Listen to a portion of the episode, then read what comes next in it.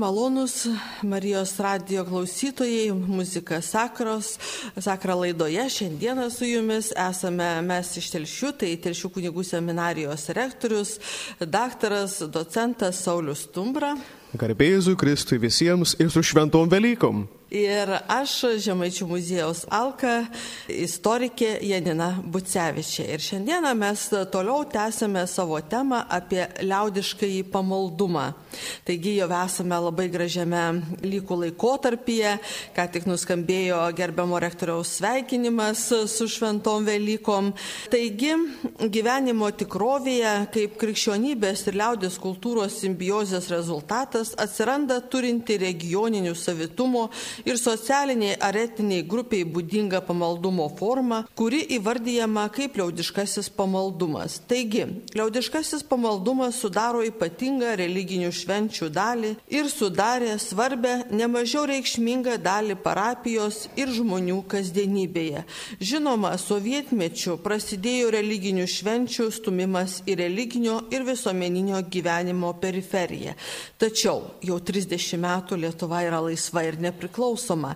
Taigi vėl grįžta į mūsų gyvenimą ne tik tai liturginė tikrovė, bet ir su liturgija glaudžiai susijęs liaudiškasis pamaldumas. Taigi esame šventų Velykų laike, e, nors ir kaip sunkiai e, esant koronos COVID-19 viruso grėsmės akivaizdoj, e, tačiau vis tik tai atšventėm Velykas. Gal šiemet mes negalėjome taip e, išskleisti save, e, parodyti, pasidžiaugti, dalyvauti renginiuose, kurių paprastai būna gausu. Tačiau duok Dieve, kad kitais metais būtų viskas kitaip ir mes galėtume vėl sugrįžti prie savo ištakų. O šiandieną aš kaip tik gerbiamo rektorių pastoriaus ir norėčiau paklausti, e, kaip būtent mūsų tauta, mūsų liaudis, aišku, tai skyrėsi įvairiose vietovėse, bet vis tik tai va šventė Velykas. Štai apie, kalbėjome apie gavėnę ir sakėme, kad žemaičiai gėda Kalvarijos kalnus, o štai dabar jau Velykos džiaugsmas. Aišku, galbūt kai kas sakys, mes netaip darome, ar pas mus tokių tradicijų iš viso nebuvo, ir tokių gesmių neskambėjo, ir jie visiškai bus šitie mūsų Marijos radio klausytojai teisūs, todėl kad liaudiškasis pamaldumas kai, ka, kai kurios formos apima visą Lietuvą, kai kurios yra lab, tokios regioninės, sakytume, kas būdinga žemaitėjai, nebūdinga aukštaitie ir dzukijai, o kai kas netgi ir turi tokių parapijos, sakytumėm, netgi ribų ribose esančių tradicijų, kaip pavyzdžiui, va, prieš pradedant kalbėti, vis tiek norisi prisiminti mūsų žemaitį ir pievenų parapiją, kur turi labai gražią tradiciją būdėti net per naktį su visais vaidinimais, su persirengėliais ir tą Kristaus kapo saugojimą ar net bandymą pavokti ir e, per Velykų prisikėlimo iškilmes ryte, tai ten yra ir būgnai mušami, ir trimitai skamba skamba ir, ir šūksniai aidė, tai žodžiu toksai tikrai labai džiaugsmingas dalykas. Tai dabar sakykit, gerbiamas rektoriu, tai kaip tas Velykas švenčia mūsų tauta ir kaip liturgija koreliuoja su liaudiškuoju pamaldumu?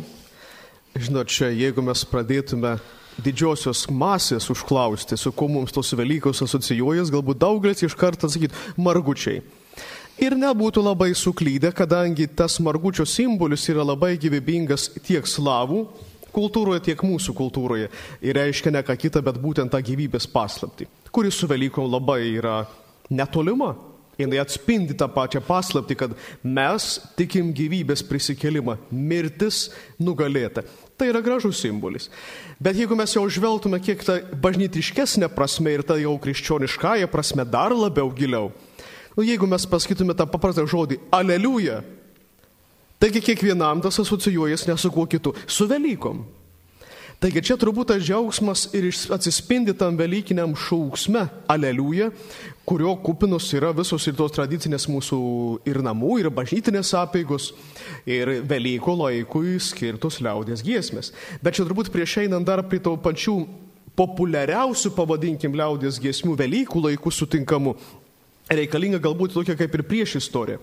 Nes mes prieš tai laidose kalbėjom apie labai konkrečius dalykus, kaip jūs sakėte, apie Žemaičių kalvarijos kalnus, apie kitus pamaldumo aspektus ir bendrai kas tai yra.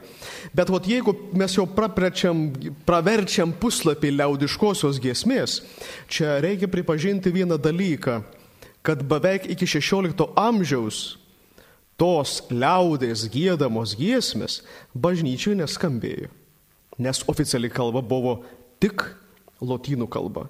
Ir tautinėmis kalbomis e, nelabai buvo jos įsileidžiamos, kaip sakydavo liaudis, bobinčiuje jos būdavo labiau atliekamas. Ar tai rožančiaus gėdojimas, ar kažką tai. Oficialioji liturgija netgi bažnyčioje buvo nelabai priimtinos, nelabai mėgstamos. Gerbiamas rektoriau, turiu įsiterpti, noriu pasididžiuoti, kad Žemaitijoje būtent 16 amžiaus pabaigoje pradeda skambėti lietuviškos giesmės bažnyčia. Ir čia didelis nuopelnas yra mūsų žemaičių vyskupo Merkelio Gedraičio. Aišku, ten sakytų aukštaičiai taip, jis iš, iš ten dzūkai e, taip, bet būtent žemai Vokietijoje ir tapęs vyskupu jisai skatino tą liaudišką įgėdojimą taip, taip, taip. ir jis pradėjo tos giesmės skambėti katedroje, tuometiniai varniuose. Bet kadangi, kai mirė vyskup, Vilniaus vyskupas Jurgis Radvila ir ilgai nebuvo kito vyskupo, tai reikia pasakyti, kad Merkelis Gedraitis atvykdavo į Vilnių kaip vyskupas atlikti pareigų ir jis atsiveždavo žemaičius gėdorius, taigi žemaitiška lietuviška gesmė skambėjo ir Vilniaus katedroje. Jūs labai gražiai ir papildėte tai, ką aš būčiau galbūt ir vėliau pasakęs. Nuo žemaičių prasidėjo liaudis gesmės. Nepasakysim invazija, įėjimas į oficialiąją bažnyčią. Tai yra gražu, nes gimtoji kalba natūralus, kasim, kad buvo tam tūlam žemaičiui, aukštaičiui, dzūkui ženkliai geriau suprantama, nes jisai tą kalbėjo šneka ir namuose ir meldėsi tą kalbą, nei girdėjo šventose mišiuose atliekant oficialius tekstus. Nors lotynų kalba, pripažinkim, yra labai skambi ir labai didinga bažnyčios kliautams labai tinkama ir giesmės oficialios atliekamos čia su visa pagarba oficialiai liturgijai. Taip, be abejo, ir jo labiau garsių kompozitorių taip, sukurtos taip. giesmės, bet jas klausytis malonu ir dušę kelia, bet sugrįžus į namus, na dabar aišku, kai mūsų visuomenė turi vairias e, medijas, ten e, vairius įrašus, internetą, tai aišku, gali ir namie pasiklausyti e, ir turi kokybiškų tokių įrenginių, tačiau anais laikais, ką daryti žmogui sugrįžusiam, na kažkur melodija skamba, bet e, pakartot neįmanoma. O va štai e, giesmės lietuvių, žemaičių kalba, tai jos galėjo pasiekti ir kiekvieną trobelę iš bažnyčios sugrįžusios. Tai čia turbūt ir atsispindi du pagrindiniai skirtumai kokį tikslą turėjo, o tiek ta oficialioji giesmė, lotynų kalba, pavadinkim tuo metu, tai buvo dangaus atkartojimas. Choras buvo angelai, kurie gėda liturgijoje, dangaus balsas, šlovinantis Dievą triasmenį čia ir dabar. O ta liaudiškoji giesmė, vadinkim, tautinė kalba atliekama čia, nes nesiskirstykim dabar jau į žemaičius ar aukštaičius ar į dzūkus. Taip, taip. Ne, jinai buvo kitokio charakterio, sakyčiau, jinai buvo katekizuojanti netgi, evangelizuojanti, jeigu būtų galima kalbėti šiandieniais mūsų terminais.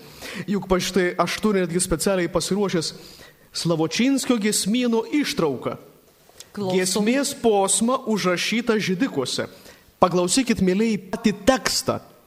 Linksmą dieną apregėjom, kurios iš seno norėjom toj Jėzų kėlus girdėjom, aleliuja, aleliuja, aleliuja. Taigi, nu, keliom eilutėm pasakyta Velykų esmė. Mes tos dienos laukiam, išganimų istorijos perspektyva. Ir va šitoj dienoj mes jau sulaukiam to. Velykos įvyko, Kristus prisikėlė. Taigi evangelizacija, kaip mes šiandien pasakytume, tikėjimo tiesos perdavimas per giesmę, tą giesmę atliekančiam ir jos besiklausančiam tiek vaikui, tiek senoliui. Ir dar norėčiau taip, taip. papildyti, gerbiamas kunigė Sauliau, kad tai tuo metu ypatingai buvo svarbu gesmė evangelizacijai, todėl kad atminkime, kad e, nebuvo tiek knygų lietuvių kalba, tas pas mažvido ar ne katekizmas atsiranda vienu vienintelis 16 amžiaus tik vidury, e, kitos pabaigoje 16 amžiaus kaip Mikalojaus daugšos ir tai buvo tai tik tai vienetai pagrindė skirti tiem patiem kunigam, kad jie galėtų evangelizuoti liaudį lietuvių kalbą. Tai gesmė, gal galima sakyti, buvo pagrindinis evangelizacijos akcentas, net, nes netgi bažnyčioje evangelija skambėjogi kokia kalba - lotynų. Taip, taip. Ir tik tai e, kunigas, ten klebonas ar vikaras per pamokslą dar išaiškindavo tai lietuviškai. Tai giesmė buvo ypatingai evangelizuojanti. Tai, va, tai yra svarbus ir Ir labai svarbus tas momentas yra. Nes, aišku, mes dabar galėtume diskutuoti, kas jums gaila, kad ne visos jos buvo mūsų parašytos, kad jos yra verstos, tiek iš lotynų kalbos himnų, tiek iš tų pačių mūsų brolių Lenkų. Bet, bet vis dėlto, kas jums galime ir jau tolim perspektyvą eiti. Nu vis dėlto gimė talentais, poetiniais talentais apdovanoti mūsų broliai kunigai, kurie dažniausiai ir tapo vėlesnių jau tų giesmių autoriais. Nu, štai mes tikrai turim prisiminti šioje vietoje kunigą Antaną Strasdą. Kiek tų giesmių yra lietuvių kalba sudėjęs vyskupas Antanas Baranauskas. O šiandien didžioji dalis pasakytų, kad tai liaudės giesmės. Taip, net nepriskirtų jiems autorystės, Taip. o tai yra jų plunksnos darbas, kurias mes ir šiandien turim kaip savas. Taip, kaip pavyzdžiui ir Maironio, ar ne? Taip, Marija, taip. Marija, nu tikriausiai, jeigu ten neįkaltų mums e, mokykloje ir bažnyčioje, kad tai Maironio gesmė, tai tikrai irgi ko gero galvotume, kad tai liaudės ar net verstinė, nes jinai tokia populiari. Tik turbūt mes čia tą pripažindami talentą kurėjo tų giesmių, kurios atėjo į mūsų kultūrą, mes turim, galbūt ir va, tą tokią takoskirą padaryti kokią mes šiandien tą giesmę galbūt turim oficialią, kokios, koks yra turinys, e, kaip yra įvaizdžiai kokie. Tų liaudiškųjų giesmių gal jisai buvo, sakytume, nu gal netinka žodis primityvesnis, jisai gal buvo labai aiškesnis ir konkretesnis. Čia netgi galima tiesiogiai pasakyti, kad giesme buvo trokštama sukelti pasigėrėjimą arba netgi baimę. Ir tam tikram žmogaus įdom pasibjaurėjimą. Šiam reikalui puikiai tikus, kusime tų pačių kančių vaizdavimas pragaro, piešimas, Dievo kančios toks sudidinimas, kokia ta kančia didžiulė už žmogų yra. Šventųjų giesmės, čia dar atskirai jau teorija, fadiškai, kokios tos pobūdžio giesmės buvo. O kur dar, sakysim, viešpadės auka, mergelės Marijos apgėdama ir motinystė, ir mergystė, ir visa kita. Taigi tos liaudės giesmės jos turėjo didžiulę jėgą žmogui perteiktas kasimtais žodžiais, to melodijom, evangelinę tiesą, kurią yra raginama gyventi kasdien. Čia ir dabar išgyventi čia Velykų džiaugsmą džiaugs, džiugiu leliuje, atėjus šventųjų garbinimo dienais, kas jiems šventai pagerbti, apgėdant tą. Bet vis dėlto mes turėtume nepamirškysim, kad turbūt pati populiariausia ir visai tautai žinomiausia giesmė Velykiniam laikotarpį tai yra, nu, ne kas kita kaip linksma diena. O kuriejas šitos giesmės? Žinokit, vėlgi, kas jums čia tai yra labai įdomu. Su šia giesme, su šia giesme mes turim tokį įdomų reikalą, nes jinai yra, nu, ne mūsų. Kaip liūdėjo rašytiniai šaltiniai, yra jinai iš vokiško giesmyno atėjusi. Tekstas turbūt yra buvęs lenkiškas, nes lietuvišką variantą tos gesmės pateikia ir vėlgi jau mūsų minėtas vyskupas Antanas Baranauskas. Ir tas tekstas ir netaip senai verstas apie 1898 metus, kai jisai viskupavo Seinuose. Tai čia kai pagalvoju, tai ta gesmė mūsųse skamba dar ne taip ir senai, bet ir tapusi jau labai tradicinė Velykų giesmė. Tai reiškia vertėjas buvo. Vertėjas vyskupas Antanas, Antanas Baranauskas. Baranauskas. Taip, taip, taip. Taigi pa, oficialiai pagal vokišką giesmyną ta giesmė vadinus Kristus prisikėlė, angelai trimitavo. Bet šiandien mes ją žinom pagal vertimo jau iš lenkų kalbos linksmą dieną mums nušvito. Labai laukiam džiaugsmo šito. Ten pažiūrėjus į liaudiškos gesmynus, tai dar kitaip atrodo.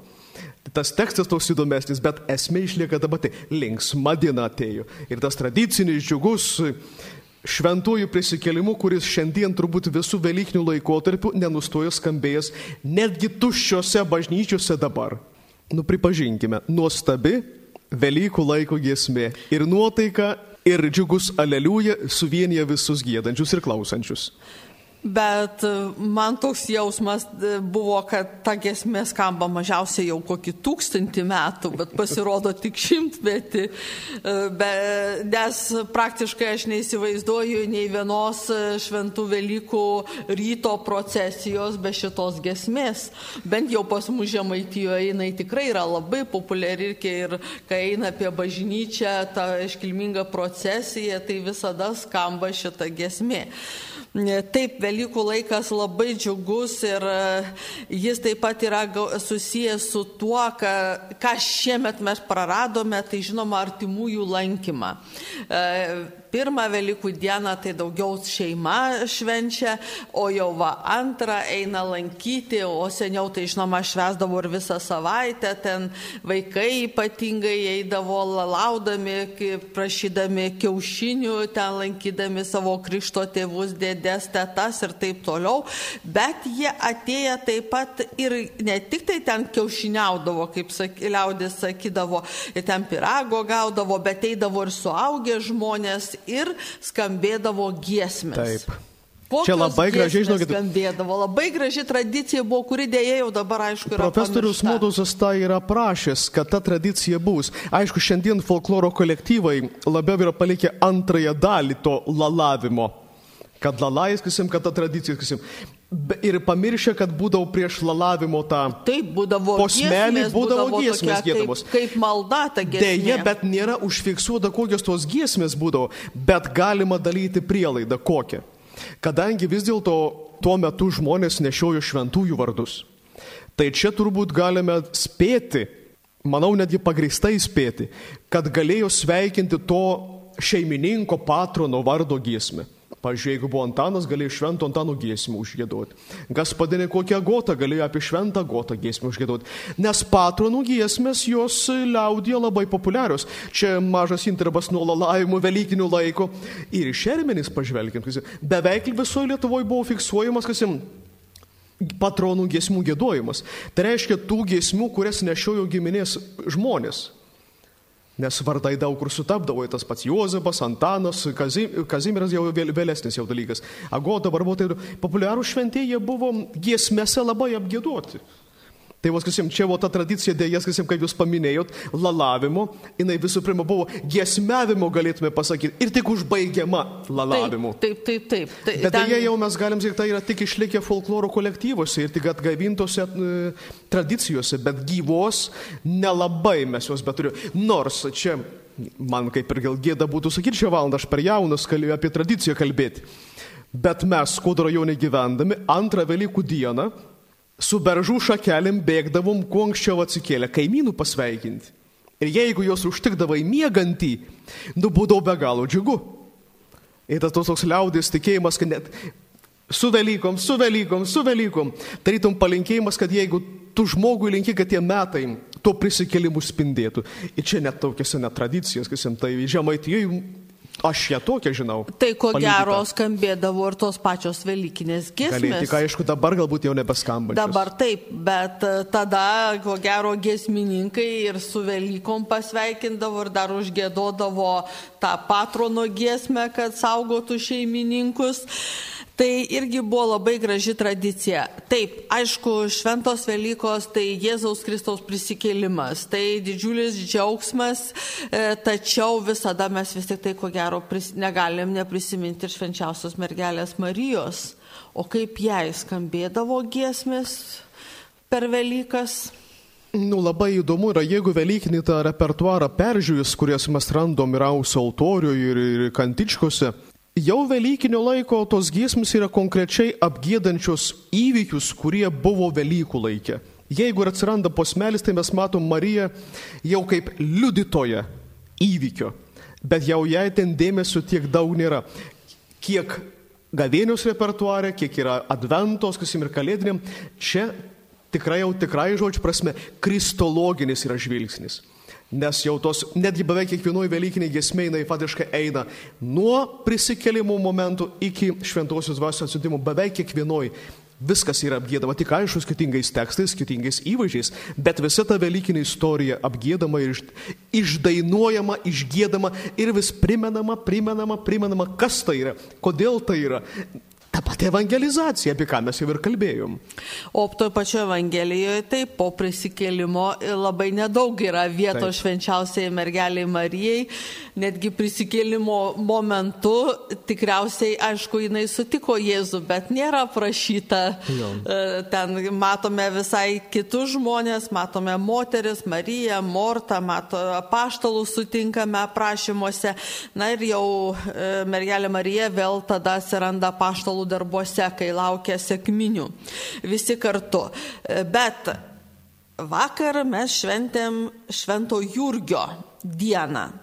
E, ko gero, nemažai ypač jaunesnių Marijos radio klausytojų labai nusteps, na, kodėl apie jį reikėtų kalbėti, tačiau pirmiausiai aš kaip istorikė negaliu neprisiminti, kad Šventas Jurgis yra antrasis Lietuvos globėjas, kai mes paprastai kalbam apie Kazimerą ir tikrai yra labai gražu, tai yra lietuvių lenkų kilmės jaunuolis E, tikrai susijęs su Lietuva ir čia gyvenęs ir palaidotas Vilniaus arkikatedroje. Tačiau vis tik tai antrasis mūsų globėjas ir dar senesnis negu Kazimieras e, buvo būtent šventasis Jurgis. Na, tai irgi iš, galima sakyti, pirmųjų krikščionybės amžių ateinant ateinantis šventasis iki šių mūsų dienų, kaip manoma, jisai buvo aukšto rango karininkas e, Romos imperatoriaus Diokletiano dvare, valdžiusio kaip tik trečio amžiaus pabaigoje, ketvirto pradžioj. Jis buvo netgi įsitarnavęs iki tribūno e, laipsnio ir kadangi jisai buvo krikščionis, jisai buvo labai žiauriai nukankintas. E, tačiau e, jo ta tradicija, tikrai jo tas kultas, e, jo garbinimas labai plačiai paplito. Viso daugybėje šalių yra netgi šalių jo vardu, na tas pats Sarkartvelas, dabar gal, gal seniau žinomas labiau kaip Gruzija, tai kitom kalbom kaip Džordžija yra būtent, kad Švento Jurgio šalis ir Šventas Jurgis yra šitos šalies globėjas. E, taip pat daugybė miestų turi šventą Jurgį kaip savo globėją. Taip pat reikia pasakyti, kad jis yra ir kareivių globėjas, ir ūkininkų globėjas. Ir kas svarbiausia, aš net pati labai nustebau, kad pasirodo skautų globėjas. Tai va tokia graži jaunatviška organizacija savo globėjų turi šventąjį Jurgį. O grįžtant prie mūsų liaudiškojo pamaldumo, tai reikia pasakyti, kad šventasis Jurgis liaudėje buvo labai populiarus ir pavyzdžiui mūsų žemaičių muziejus Alka turi daugybę skulptūrėlių su šventuoju Jurgiu. Tik tai ten e, yra vaizduojama šventasis Jurgis kaip riteris ant žirgo ir persmeigiantis libiną. Na, toks tai kaip kovos su blogiu simbolis. Tai irgi labai daug šitų skulptūrėlių senoviai buvo koplytėlėse, namuose. Na ir yra nemažai bažnyčių, taip pat kuriuose jeigu ne Švento Jurgio titulo bažnyčia, tai vis tiek Švento Jurgio altorius bažnyčioje buvo, jo labiau, kad, kaip sakiau, jisai e, ūkininkų globėjas, na, o e, Lietuva buvo agrarinė šalis iki pat, e, galima sakyti, 20-ojo amžiaus 70-mečio didžioji dalis gyventojų gyveno kaime ir e, jisai buvo globėjas ir gyvulių ir ūkio ir dėl to buvo labai iškilmingai švenčiama. Taigi, pirmiausia, aišku, noriu priminti tik tai tokią tradiciją, kaip pavyzdžiui atnešti į bažnyčią, pašventinti e, sūrius, kiaušinius, na tai, ką duoda būtent mūsų gyvulėliai, mūsų paukščiai. E, ir tai taip pat buvo paliekama dalis bažnyčioj, tai žinoma buvo tam pačiam klebonui, tai buvo bažnyčioj bažnyčios tarnams, o kas likdavo taip pat buvo išdalinama ir vargšams, kurie glaudėsi špitoliai, kitiem parapijoje reikalingiem pagalbos. Taigi, Aš dar trupučiuką prisimenu, e, kad buvo dėžės prie altoriaus Švento Jurgio e, nevarienuose ir ten žmonės suneždavo va šitos sūrius, suneždavo kiaušinius. O dabar sakykit, o kaip yra su giesmėm? Vat sakėt, kad yra tos patronų giesmės. Na, Jurgio vardas irgi buvo labai populiarus, dabar kaip ir Jono, e, na, yra vienetai, bet po po trupučiuką atgimsta. E, čia ir pavyzdžiui Borisevičiaus gimnazijoje yra mokinių nešiojančių šitą gražų vardą. Taigi, o kaip su pamaldumu į šventąjį Jurgį? Na, kaip jūs ir pasakėt, jeigu jau mes turim tokį turtingą liaudis kultūros palikimą, Tai reiškia, šventasis buvo tikrai populiarus ir aš galiu pats paliudyti, kadangi kaimo parapiją su klebonavęs, šonėm altoriui buvo Jūrigio vainikuotas, kaip pavadinkim, sakysim, sidabro apkauptais altorius. Tai gražus paliudimas.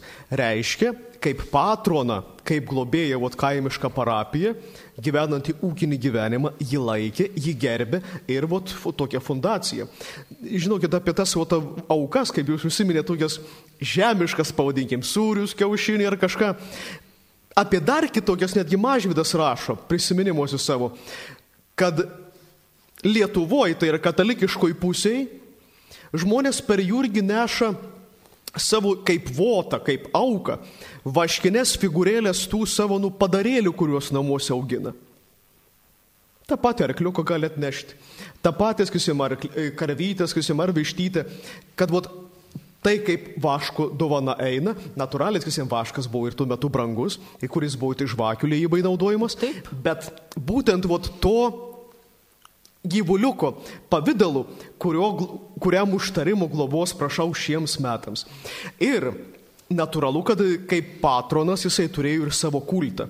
Žinau, čia aš bendrai bandžiau savo atsakyti ir per literatūrą ieškoti atsakymo, kodėl, nu ne visi šventieji tokį, padinkim, ryškų kultą, ryškų pamaldumą per maldas, per giesmės turi. Mes patys nelabai, sakysim, savo tautų tų šventųjų, sakysim, iššūkdę esam, bet kas yra ateitai, tai yra labai tokie ryškų šventieji. O šiandien Jūrgis, apie kurį mes kalbam, tas pats šventas Pranciškus, žiūrėkit, Antanas, e, Jonas. Jonas. Koks gilus pamaldumas į tuos šventuosius. Bet jeigu jie ne vietiniai, tai aišku buvo didžiulis įdirbis e, vienuolyjų, kurios praktikavo tą pamaldumą tiems šventiesiems. Brolyjos. Ir brolyjos, taip, nes ir turime per visą lietų įvairiausių brolyjų, kurios buvo tų šventųjų vardais pavadintus, pavyzdžiui, seniai išnykus Nikodemo brolyje, kur rūpinos pamirštų mirusiųjų laidojimu. Šventoji Barbora laimingos taip, mirties, taip, kad vas, taip, taip. būtent mirtų susitaikė su Dievu. Tai, tai tas kultas jisai neatseidavo, reiškia šiaip savo. Tai vat ir tų gesmių ne kiekvienas šventasis, pavadinkim, susilaukdavo. O štai šventas Jurgis turi.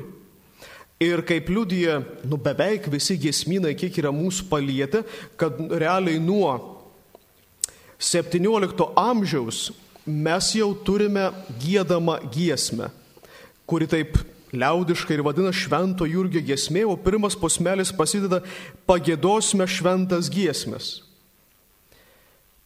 giesmė, kuri ateina iš Lenkų, versta, kas dėja verti mes nelabai žinom, bet melodija jau neužfiksuota kaip lenkiškai. Ir vėlgi čia, čia man visada noris su pasididžiavimu tą pasakyti.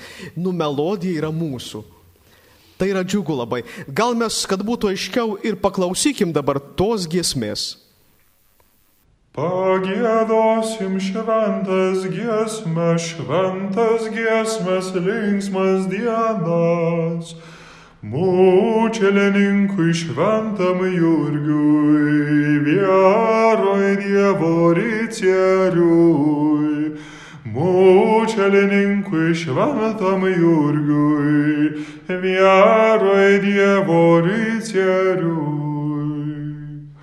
kursai iš Becėjos miesto išjojo keliaut par svietą, raudonų rūbų širmų žirgų, viero šventoj tarnų tikrų, raudonų rūbų širmų žirgų, viero šventoj tarnu tikrų. Ir atjojo aukštą kalną, apsižvalgė ant jūrių marių. Ten išvydo šventą paną, šventą paną karalaitę. Ten išvydo šventą paną, šventą paną karalaitę. Knyga šventas beskaitanečia ir maledelės bekalbančia. Jo, jo artina ta šventasis, paklaustytos karalaitės. Jo, jo artina ta šventasis, paklaustytos karalaitės.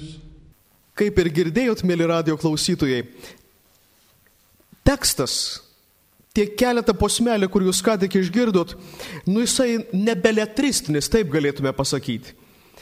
Apgėdama visa švento Jurgio gyvenimo istorija. Bet, kaip ir visos tos liaudiškosios giesmės, kurios pristato karžygiškas dorybės to šventojo turėtas, jo gyvenimo svarbiausius momentus, kodėl tas buvo labai iškalbinga ir žmogui svarbu.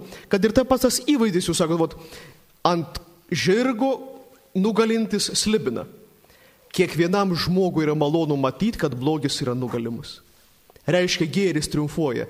Taigi to gesmei tas didvyriškumo pristatymas, nepabijokim to pasakyti, yra inspiracija ir tam pačiam žmogui, ar gėdančiam, ar klausančiam, nu, rinktis tą kovos būdą, nepasiduoti blogiui. Taigi vėlgi man labai džiugu evangelizacinis, katechetinis pobūdis. Ir aišku, kaip visos liaudiškosios giesmės, jos užbaigiamos yra senųjų lotynų himnų pavyzdžių švenčiausios treibės pagarbinimu. Tas posmas netgi taip priskamba. Garbė šlovė Dievui traiciai ir jo sūnui dvasiai šventai, įdant anos garbintumėm su šventais dangui būtumėm. Va, troškimas žemėje vaikščiojančių žmogaus buvo su šventaisiais būti amžinybei.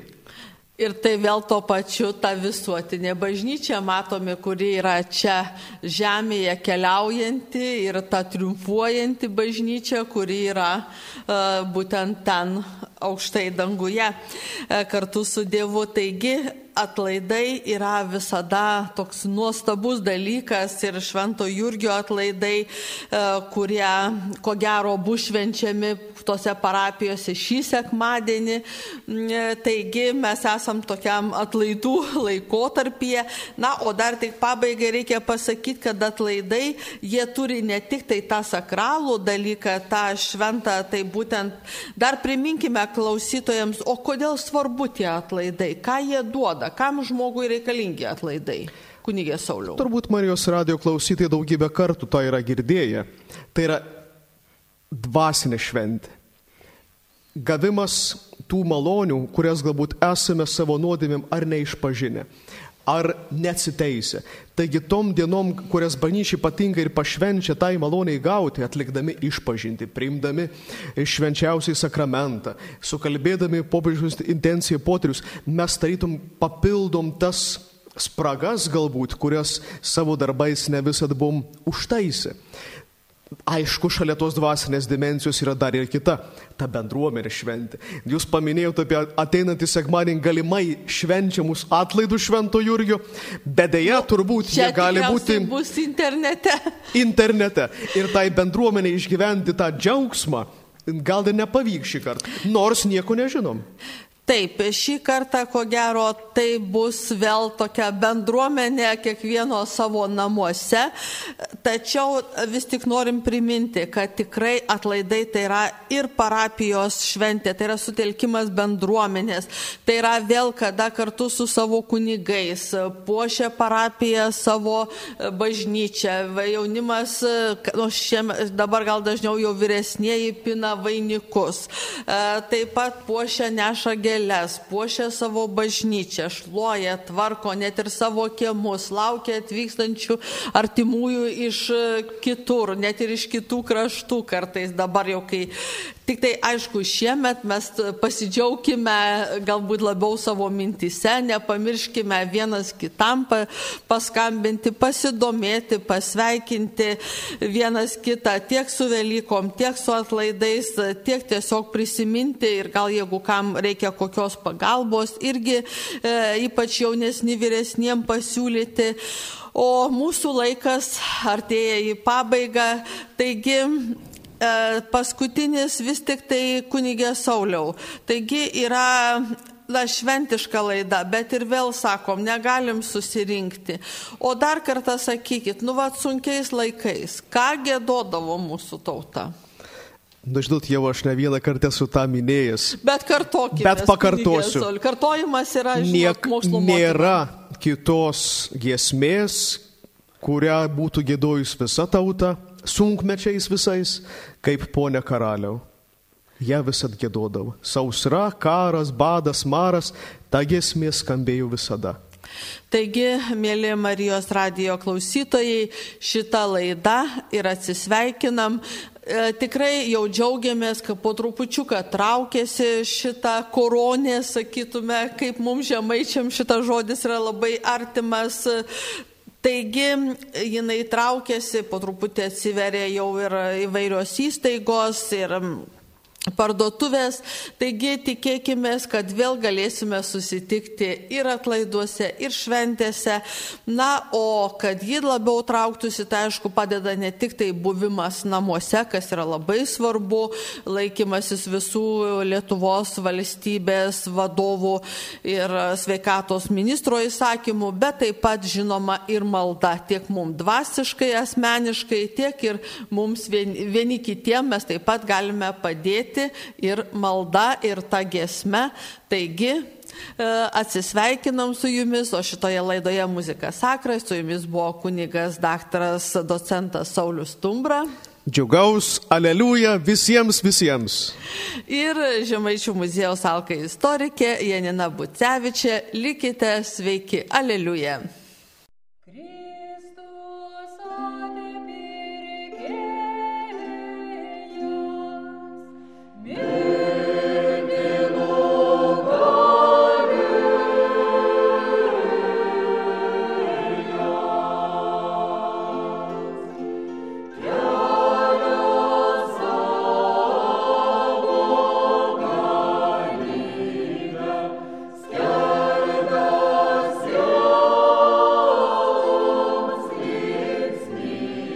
love.